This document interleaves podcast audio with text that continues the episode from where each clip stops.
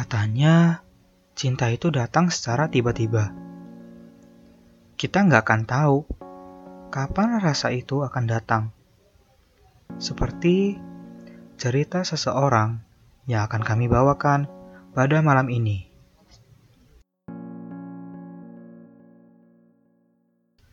Cerita ini berawal ketika aku masih duduk di kelas 2 SMA.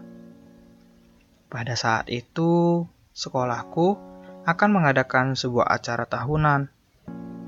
Acaranya seperti KKN gitu, di mana kami akan tinggal selama seminggu di sebuah desa. Tujuan dari acaranya adalah supaya kami bisa merasakan bagaimana sih kehidupan orang-orang di desa. Dan kami juga harus membantu pekerjaan warga setempat. Desa tujuan kami terletak di daerah Jawa Tengah. Kami akan berangkat ke sana dengan naik kereta api. Di hari keberangkatan, kami harus mempersiapkan barang-barang seperti pakaian dan yang lainnya. Sambil beres-beres, aku dan teman sekelasku pada ngobrol nih untuk menentukan siapa teman sebangku di kereta nanti. Nah, teman sebangkuku, Tony, ngajak aku nih supaya kita duduk berdua. Bro, nanti duduk sama aku ya. Lalu aku pun protes. Ah, nggak mau ah. Kan kita udah tiap hari duduk bareng. Masa ketemu cowok mulu sih? Cewek kayak sekali-kali gitu. Tony pun terus membalas. Ya deh bro, semoga nanti bisa duduk sama cewek ya. Amin, kataku. Kami pun akhirnya tiba di stasiun, dan kami mulai masuk ke dalam kereta. Aku sendiri masuk di antrian yang paling terakhir, dan ketika masuk, hanya tersisa satu bangku. Sebenarnya ada dua sih, tapi satu bangkunya itu diisi penuh sama tas yang lain. Aku pun duduk di dekat jendela. Beberapa menit kemudian, datang seorang cewek berjaket putih. Cewek yang membuatku jatuh cinta untuk pertama kalinya. Namanya Cheryl. Sebenarnya, Cheryl adalah tempat seangkatanku, tapi kami beda kelas. Cheryl ternyata baru masuk ke kereta karena dia telat datang. Nah, karena kereta sudah hampir penuh, dia pun kebingungan untuk mencari tempat duduk. Dari beberapa bangku di depanku, ada teman cowokku yang bilang begini. Share, sini, duduk sini, biar ku pangku. Si Cheryl ya nggak mau dong. Apaan? Masa dipangku sama cowok lagi?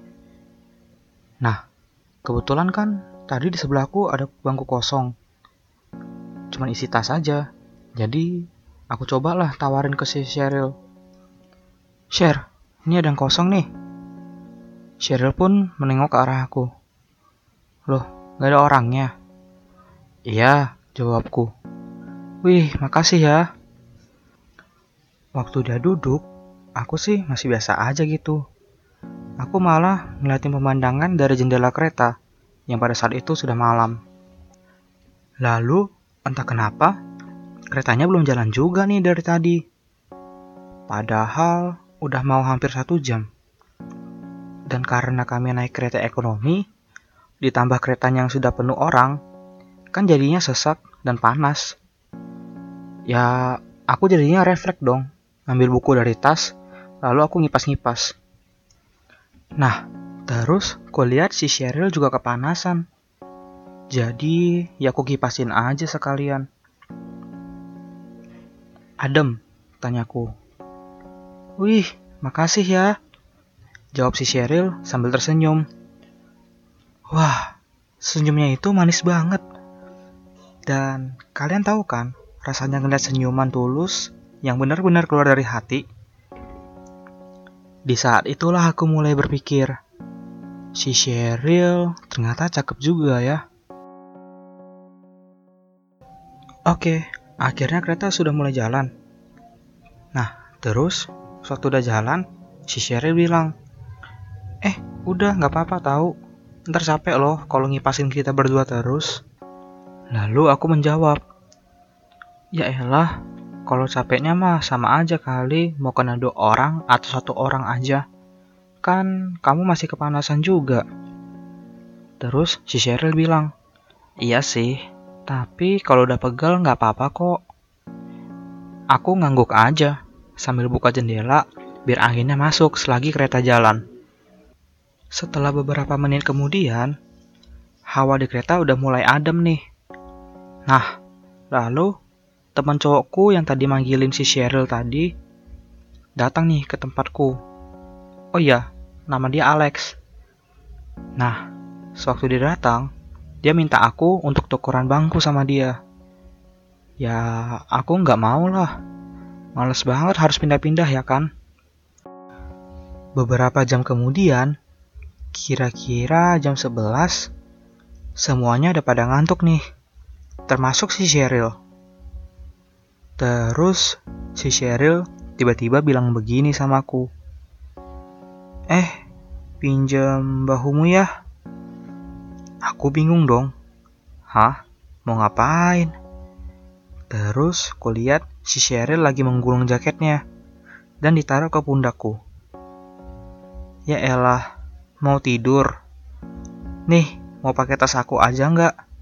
Biar lebih empuk gitu. Tanyaku ke Cheryl.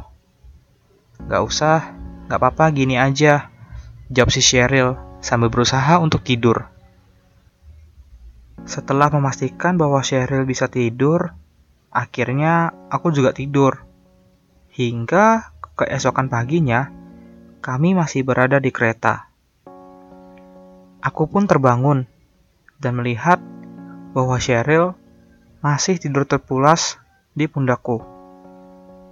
Ya, aku nggak tega untuk bangunin dia. Sampai sewaktu kereta sudah sampai di stasiun, mau nggak mau, aku harus bangunin dia untuk beres-beres. Setelahnya, kami pun berangkat ke desa tujuan kami. Di sana, kami berkumpul di rumah kepala desa untuk menentukan pembagian rumah bagi masing-masing siswa. Aku dapat serumah dengan Tony sementara Cheryl dapat serumah dengan satu temannya lagi. Nah, ternyata rumah kami agak jauh. Aku berada di atas lereng gunung, sementara Cheryl rumahnya ada di bawah. Lalu kami pun pergi ke rumah yang sudah dibagi tadi. Sesampainya di sana, kami berberes-beres, lalu mandi.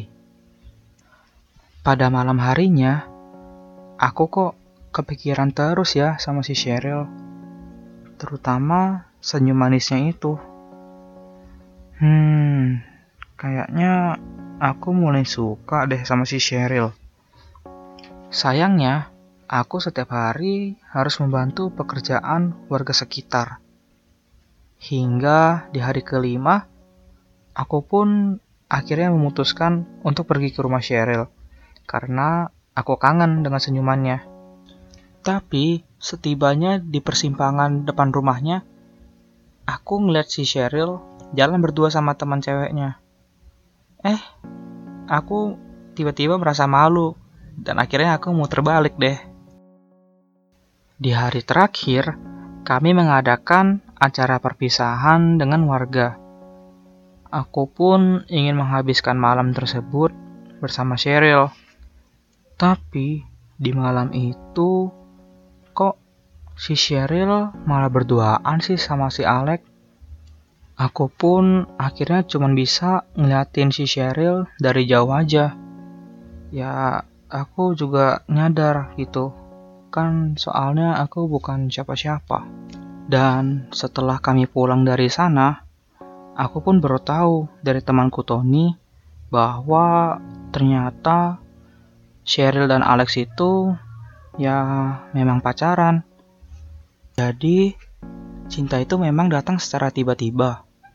Kita nggak akan tahu kapan rasa itu akan datang. Walaupun rasa itu datang di waktu yang salah. Nah, Ini adalah cerita pertama yang kami bawakan pada malam ini. Bagi kamu yang ingin berbagi cerita, bisa DM kami di IG lamputemaram.id. Selamat malam dan kuharap kamu tentram.